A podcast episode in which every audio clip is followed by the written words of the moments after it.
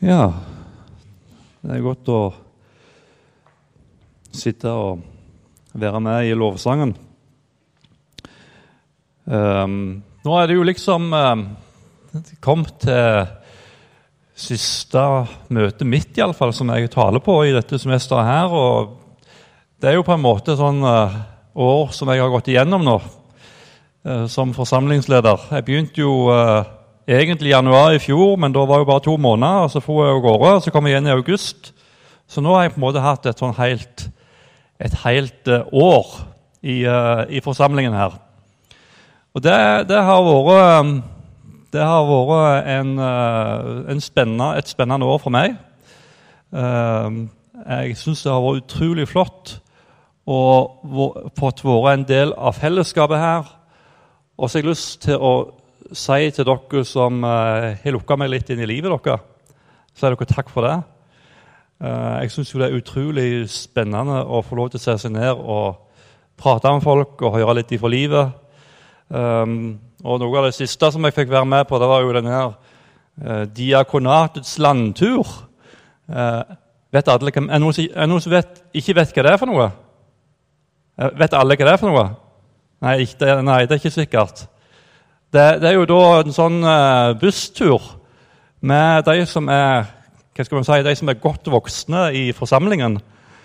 Var ikke det en fin måte å si det på? Jeg tror det. Uh, så får vi inn over Hardanger på busstur. Og, så da, og I løpet av den bussturen der, og mens vi satt der inne, så fikk jeg mange interessante prater med mange ulike folk, og fikk høre fra livet. Bl.a. Frida, som sitter her fra livet borte i Indremisjonshjemmet. Uh, utrolig mye spennende å høre. Jeg skal ikke utbrodere det nå, Frida. Jeg skal slappe helt av.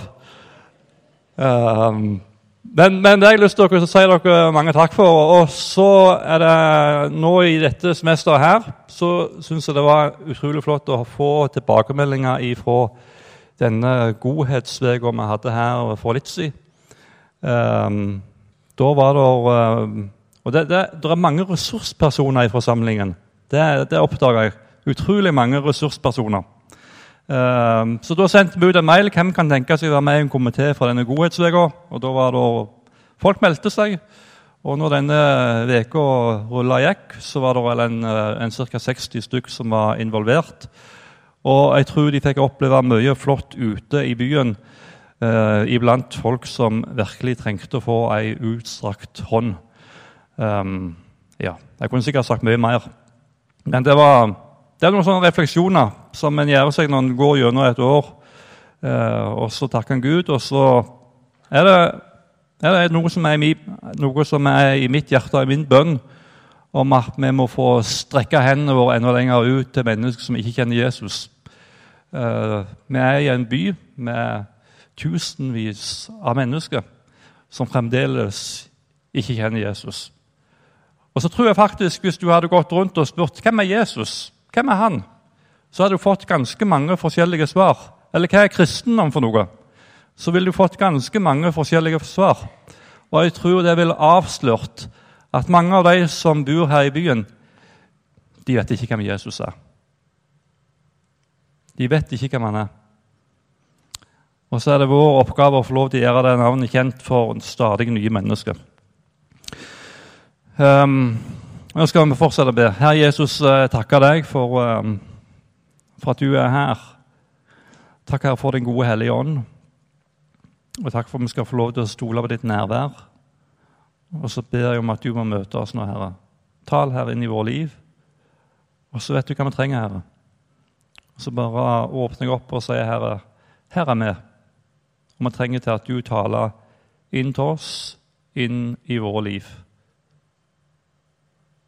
ditt navn, Herre. Amen.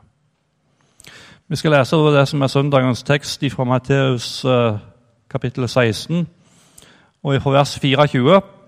Eh, der står det Deretter sa Jesus til disiplene.: Om noen vil følge etter meg, må han fornekte seg selv og ta sitt kors opp og følge meg.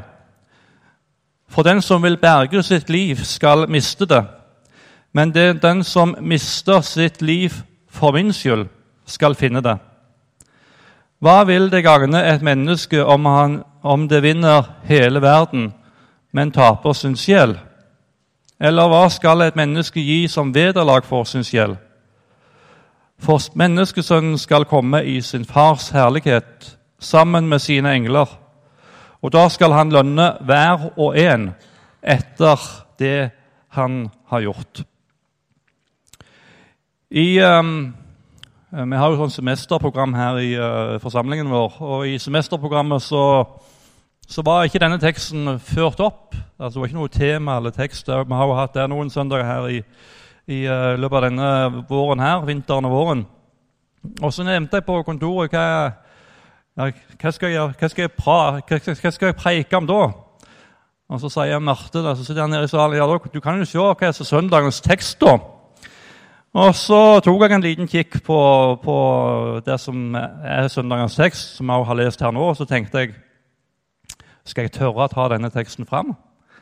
Um, og det hadde vært mye mer behagelig for meg sjøl å tatt en annen tekst. For dette er en tekst som jeg kjenner taler inn i mitt eget liv. Så når jeg står her og preiker for dere, så snakker jeg like mye til meg sjøl inn i eh, mitt eget liv.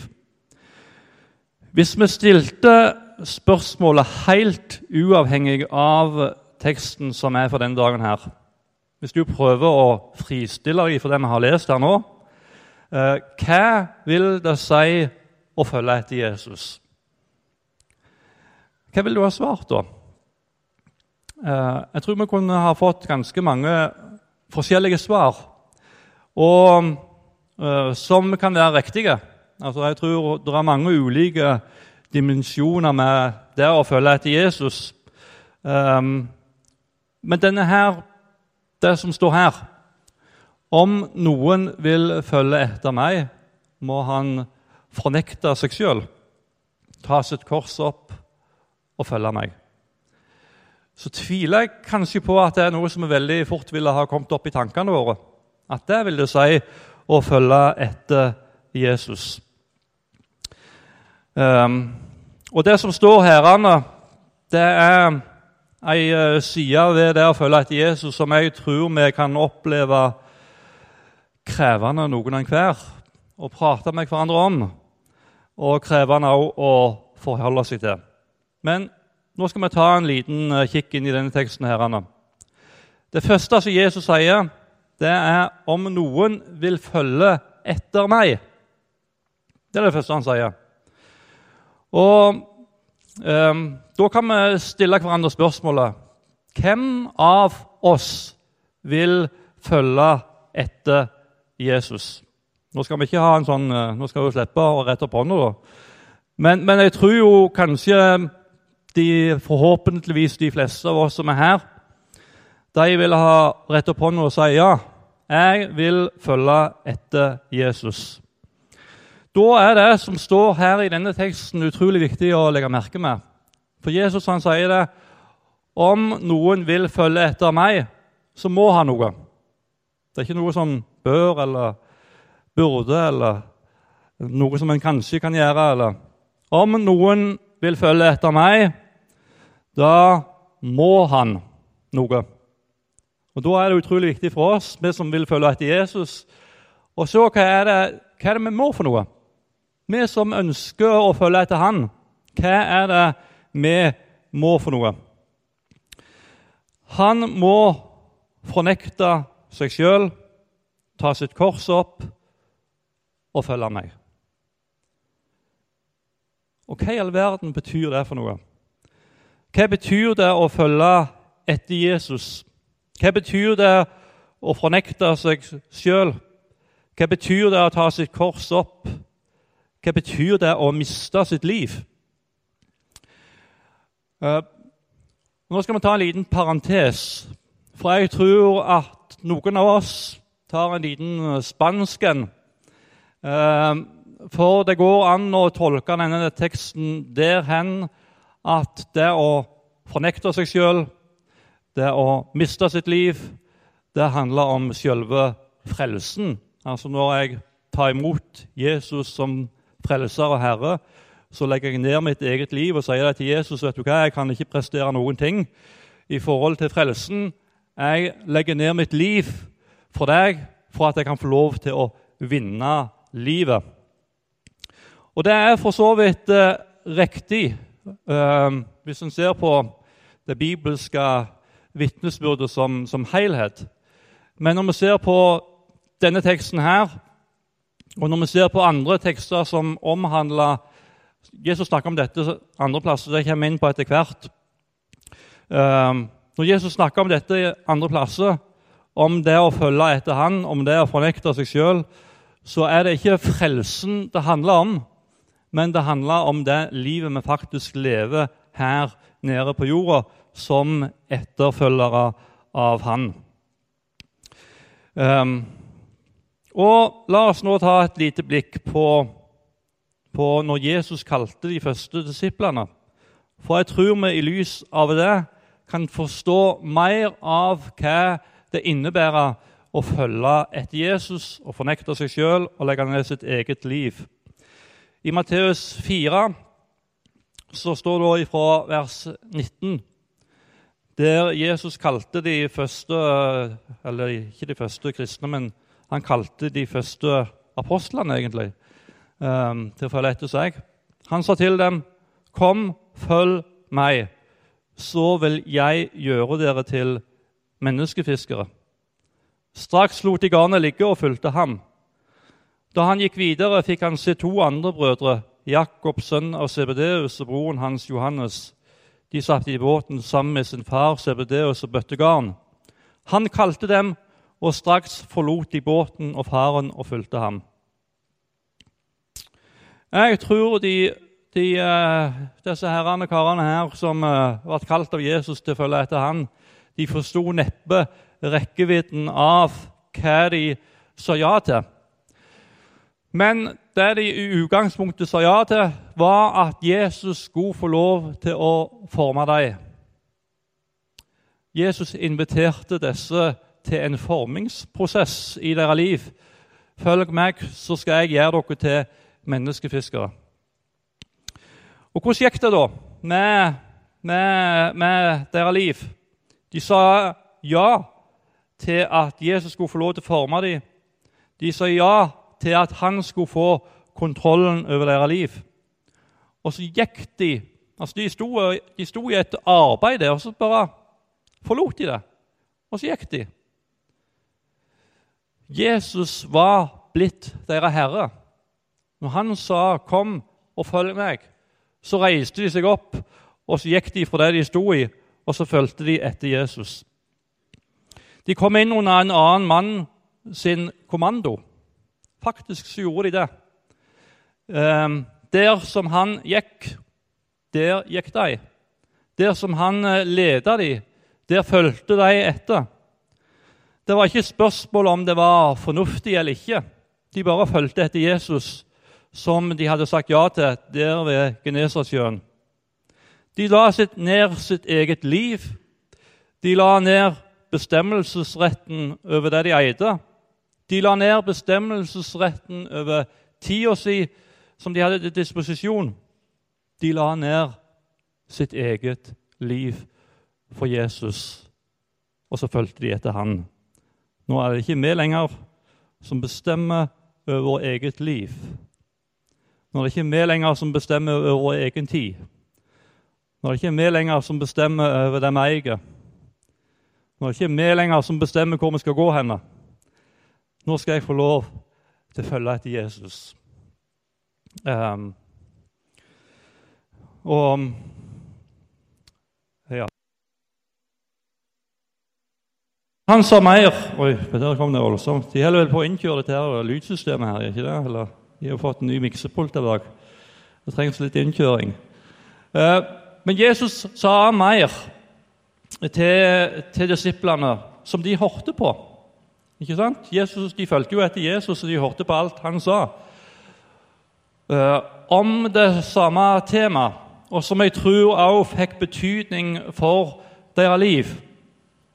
Det står bl.a. i Matteus evangeliet kapittel 10, og fra vers 37 så står det Den som elsker Det er ganske sterke ord, det som står her.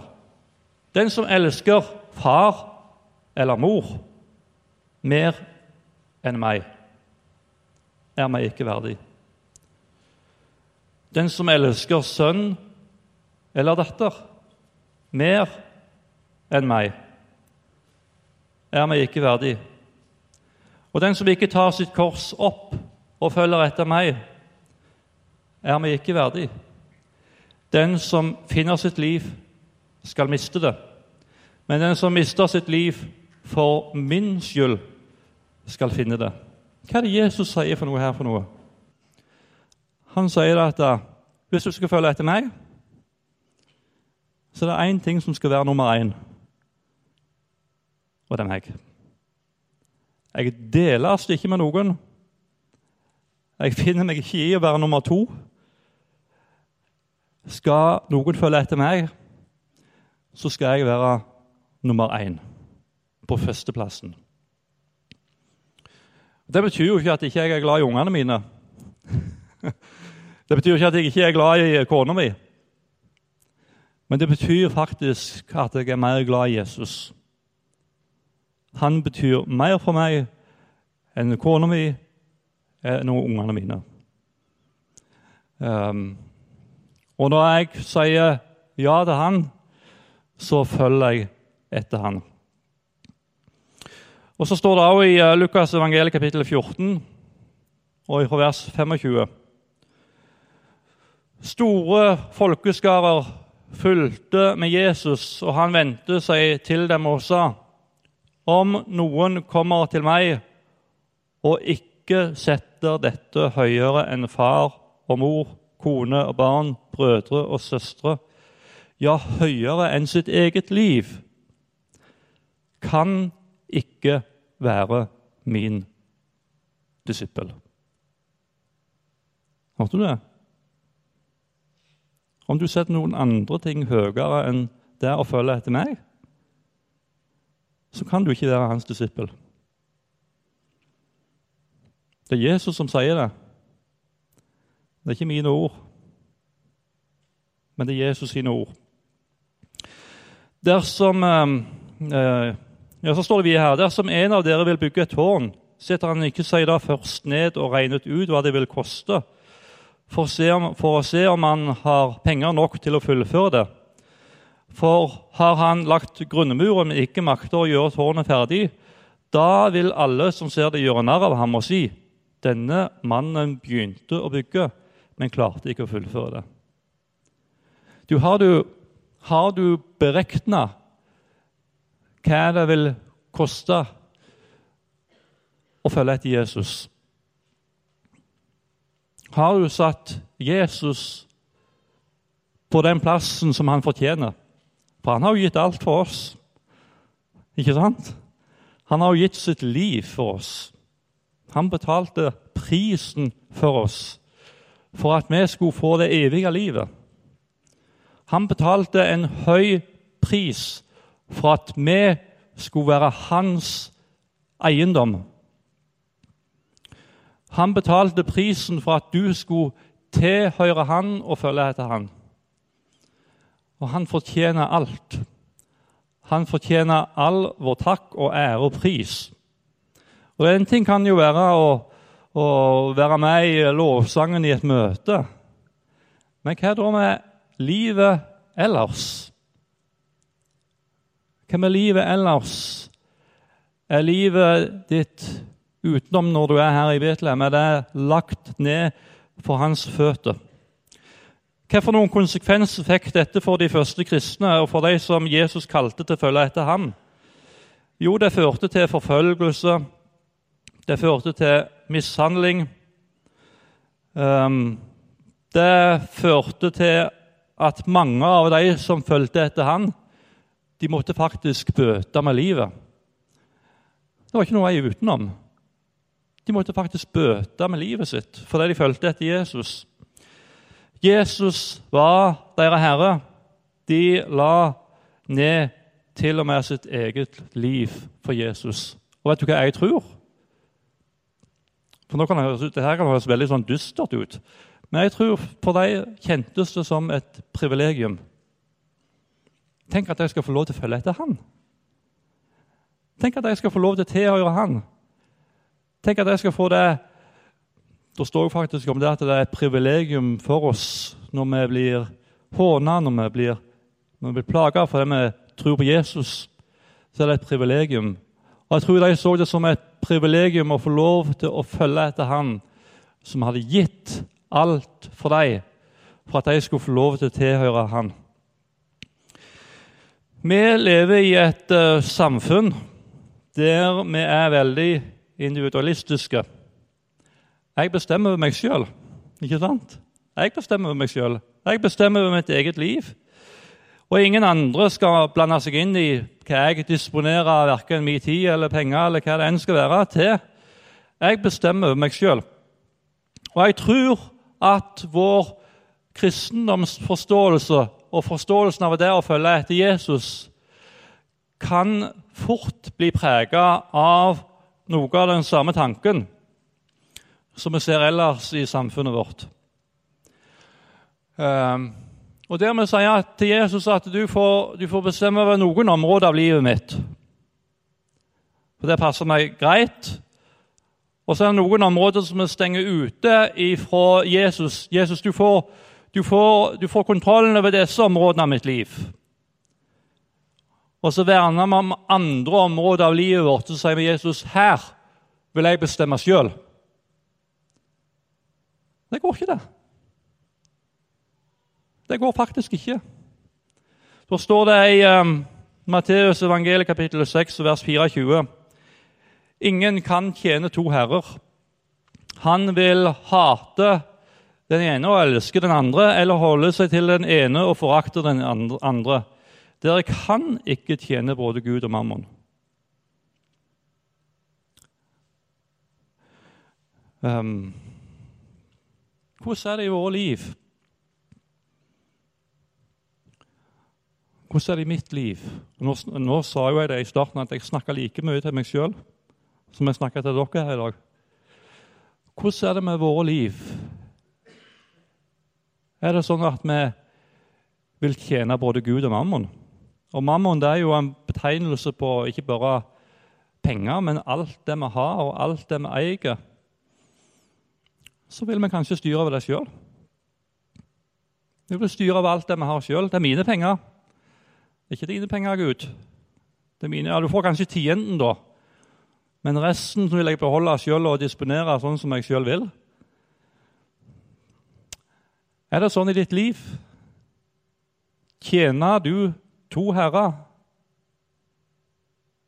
Det går faktisk ikke. Ingen kan tjene to herrer. Enten så vil han elske, hate den ene og elske den andre, eller han vil holde seg til den ene og forakte den andre. Du kan ikke tjene både Gud og mammon. Og du kan ikke tjene to herrer. Jesus vil være herre alene i våre liv. Jesus vil være herre alene i ditt liv.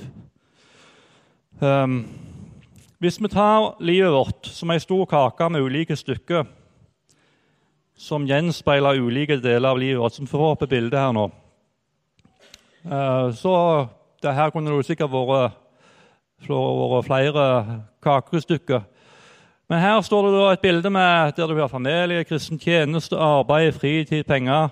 Med en sånn stor kake. Så kan du lage flere sånne kakestykker som, som, eh, som kan symbolisere ulike deler av vårt liv. Um, her er det bare lov å bruke fantasien. Og Hvis vi da tar neste bilde, så kan det av og til være at vi gjør sånn. Vi tar ut en sånn uh, bete av kaka som heter kristen tjeneste. Og Så sier vi til Jesus ja, du skal få lov til å bestemme over, over, over min, uh, min kristen tjeneste. Og så tenker en veldig, veldig isolert på det som skjer et, innenfor et, et forsamlingslokale Uh, og Så sier vi Jesus du skal få lov til å disponere det. Men, men vent litt. vent litt. Uh, når det passer meg. Når det passer meg, når jeg har mulighet og tid til disposisjon, og alle andre når alle andre ting er dekka inn, så skal du, Jesus, få en liten bete av min tid. Og så spør jeg er Jesus egentlig Nå sier jeg ikke hos, at du skal være her 24 timer døgnet. Uh, det skal jeg si litt mer om etterpå. Men det kan veldig fort gi oss et bilde av at uh, jeg bestemmer sjøl. Jeg bestemmer helt sjøl. Jeg spør ikke deg ut, men jeg tar livet mitt sånn som det er. Og så finner jeg ut ja, hvor mye kan du få lov til å disponere. Og så tar vi ut det stykket der og sier Jesus, du får dette. Og så er det egentlig jeg som bestemmer over mitt eget liv.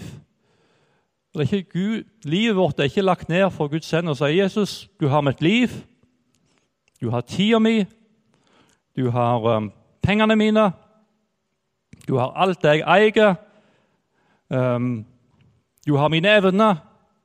Jesus, jeg legger det ned for dine føtter, og så sier jeg det til deg, Jesus. Jesus, hva vil du med dette? Hva vil du med livet mitt? Det er du som er min herre. Det er du alene som fortjener den første plassen i mitt liv. Hva vil du, Jesus, med livet mitt? Og Så kommer vi på neste bilde. Så vil ikke jeg lage sånne kakestykker i det hele tatt. Dette er livet ditt. Alt det det kan innebære av ulike ting. Så er det Jesus som er herre. Det er Jesus som er herre. Det er han vi skal legge vårt liv ned for og si 'Jesus, her er jeg'. Her er alt det som jeg har, alt det som jeg har til disposisjon. Hva vil du med livet mitt? Og så kan vi få lov til å søke Gud for vårt liv, vår tid, våre penger. Alt det som er, og alt det som vi har. Um,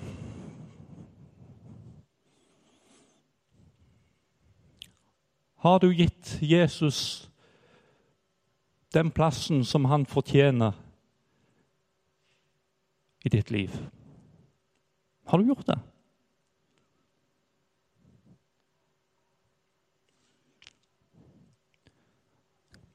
Kan vi ikke bare ha et minutts stillhet? Der du spør Herren Har du fått den plassen som du fortjener? Er jeg sjøl min egen herre i mitt eget liv? Spør Gud.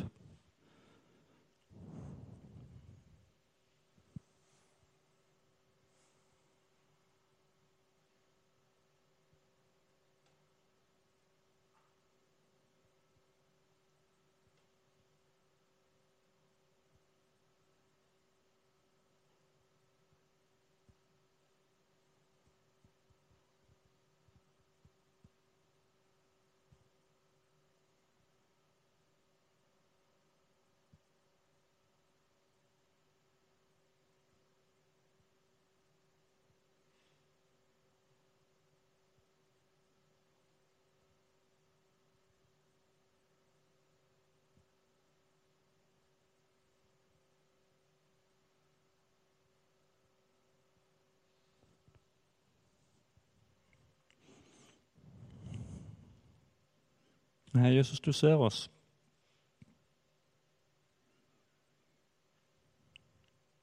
Du ser vår liv. Og det er bare du, Herre. Det er bare du som fortjener øverste plassen. Det er bare du som fortjener å være sjef, Herre. Det er bare du som fortjener å være Herre. For du har faktisk gitt alt for oss. Alt har du gitt, Herre. Du har betalt en så høy, pris her for vårt liv. Og Hadde ikke du gjort det, Herre, hadde ikke du lagt ned ditt liv for oss, så hadde ikke vi hatt håp i det hele tatt, Herre. Men du, Herre, la ned ditt liv, Herre, for oss. For at vi skulle få det evige livet, for at vi skulle få lov til å tilhøre deg få lov til å følge etter deg, Herre. Er bare du som fortjener ære. Det er bare du som fortjener den plassen. Og så ber vi deg om tilgivelse Herre, for at vi har lytta til alle andre sjefer.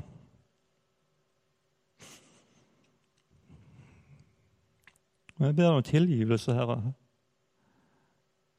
For vi har latt oss lokke av andre røster enn din røst, Herre. Din tale inn i vårt liv. Og så ber vi reise oss opp, Herre. Reis oss opp, Herre Jesus. Der du, Herre, får lov til å virkeliggjøre din plan sånn som du har tenkt gjennom våre liv. Helt og fullt. Helt og fullt, Herre Jesus. Takk og priser deg, Herre, for din godhet og for din nåde og for din miskunnhet. Takk, Herre Jesus. Takk, Herre.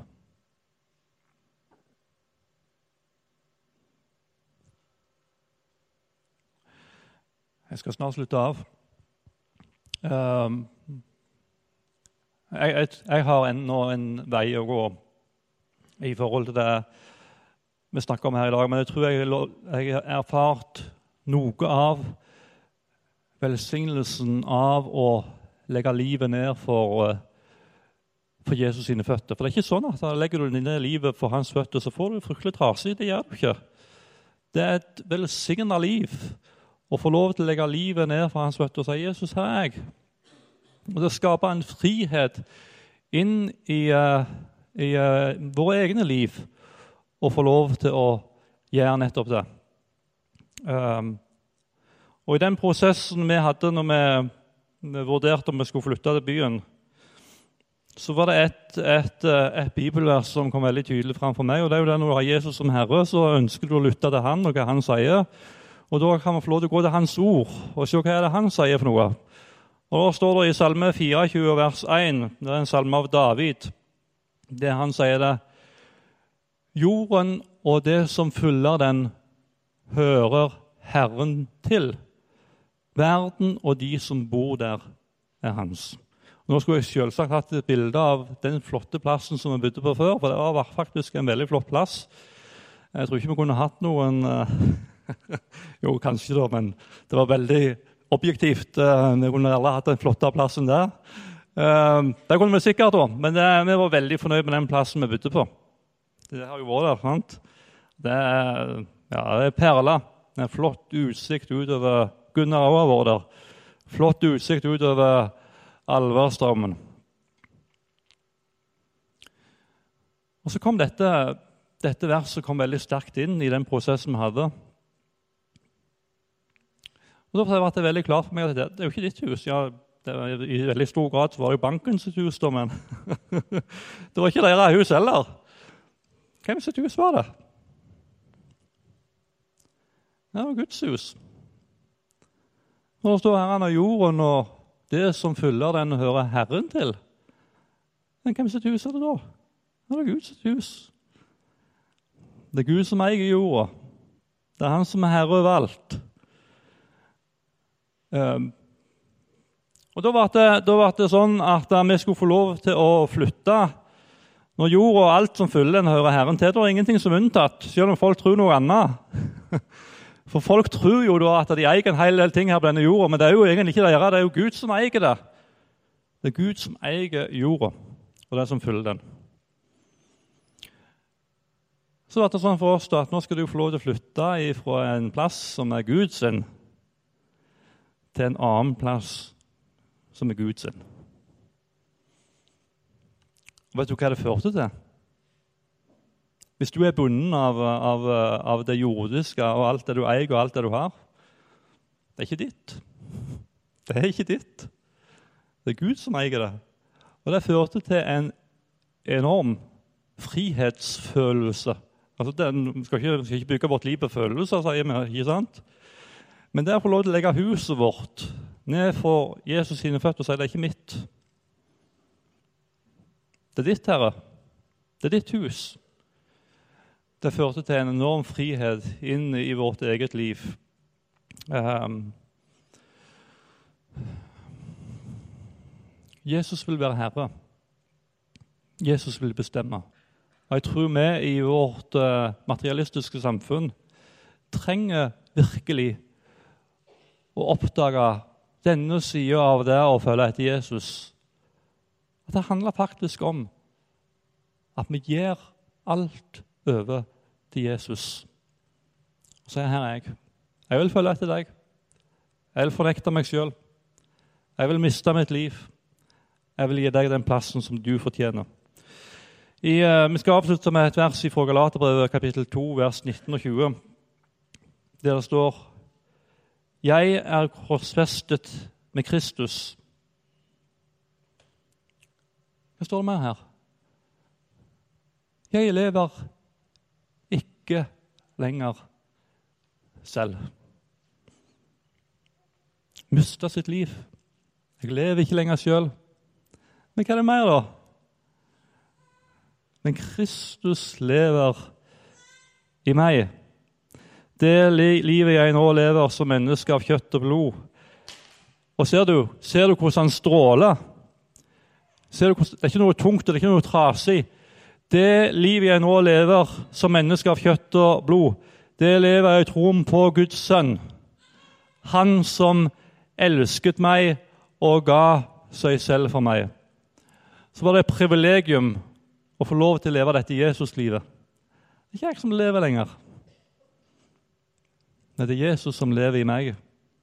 Og det er han som lever gjennom vårt liv ut til de mennesker og i den verden jeg har sett, vi har sett inn i. Um, vi skal gå til en avslutning av dette møtet. herrene. Kan vi ikke, kan vi ikke gjøre det sånn nå? Du som kjenner at dette er et budskap til deg. Du som kjenner at dette er et budskap som angår ditt liv. Uh, kan ikke bare komme fram det som skal spille her? Uh, du som kjenner at ja, jeg ønsker på ny. For det kan godt være at vi har gått noen steg vekk ifra der vi en gang har vært. Eh, og så kjenner vi når Guds ord blir forkynt, at ja, her er det noen ting som jeg har mista på veien. Jeg trenger å komme tilbake igjen til der jeg en gang var. Um, og Noen kjenner kanskje at dette har ikke jeg gjort før. Jeg har ikke lagt livet mitt ned for Jesus sine føtter på den måten før. Eller noen av dere kjenner kanskje det at Nei, vet du hva? Det er andre ting som har vært herre i mitt liv. Nå ønsker jeg å bekjenne, nå ønsker jeg å si at nå ønsker jeg å legge mitt liv ned for Jesus sine føtter og si 'Her er jeg Gud'. Kan ikke vi bare reise oss opp nå mens vi synger denne sangen? Det er en ganske sterk sang eh, til avslutning her. Og Så kan det få lov til å komme fram, og så kan vi få lov til å be for hverandre. Og så kan jeg be ei kort bønn uh, i har sunget denne, denne, sangen her. Jeg vil gi deg alt. Alt for Jesu fot jeg legger. Vi reiser oss opp. Og så vær frimodig og kom fram hvis du kjenner at dette er noe som jeg ønsker å gjøre i dag i mitt liv. Og så er det, uh, Hvis du kjenner at du trenger en, uh, noen som ber for deg mer personlig, så er det forberedt til disposisjon her. Da kan du sette deg ned i, i benkeraden, men du kan få lov til å komme her stille deg ned, for, eh, og så kan vi få lov til å be for hverandre. Og Husk det, vi er ikke et rom fullt av fordømmelse. Vi er i rom, et rom som er fullt av nåde. Han viser oss nåde. Han reiser oss opp. Han gjør oss til nye mennesker, og han vil lede oss videre. Takker og priser Jesus for. Vær så god.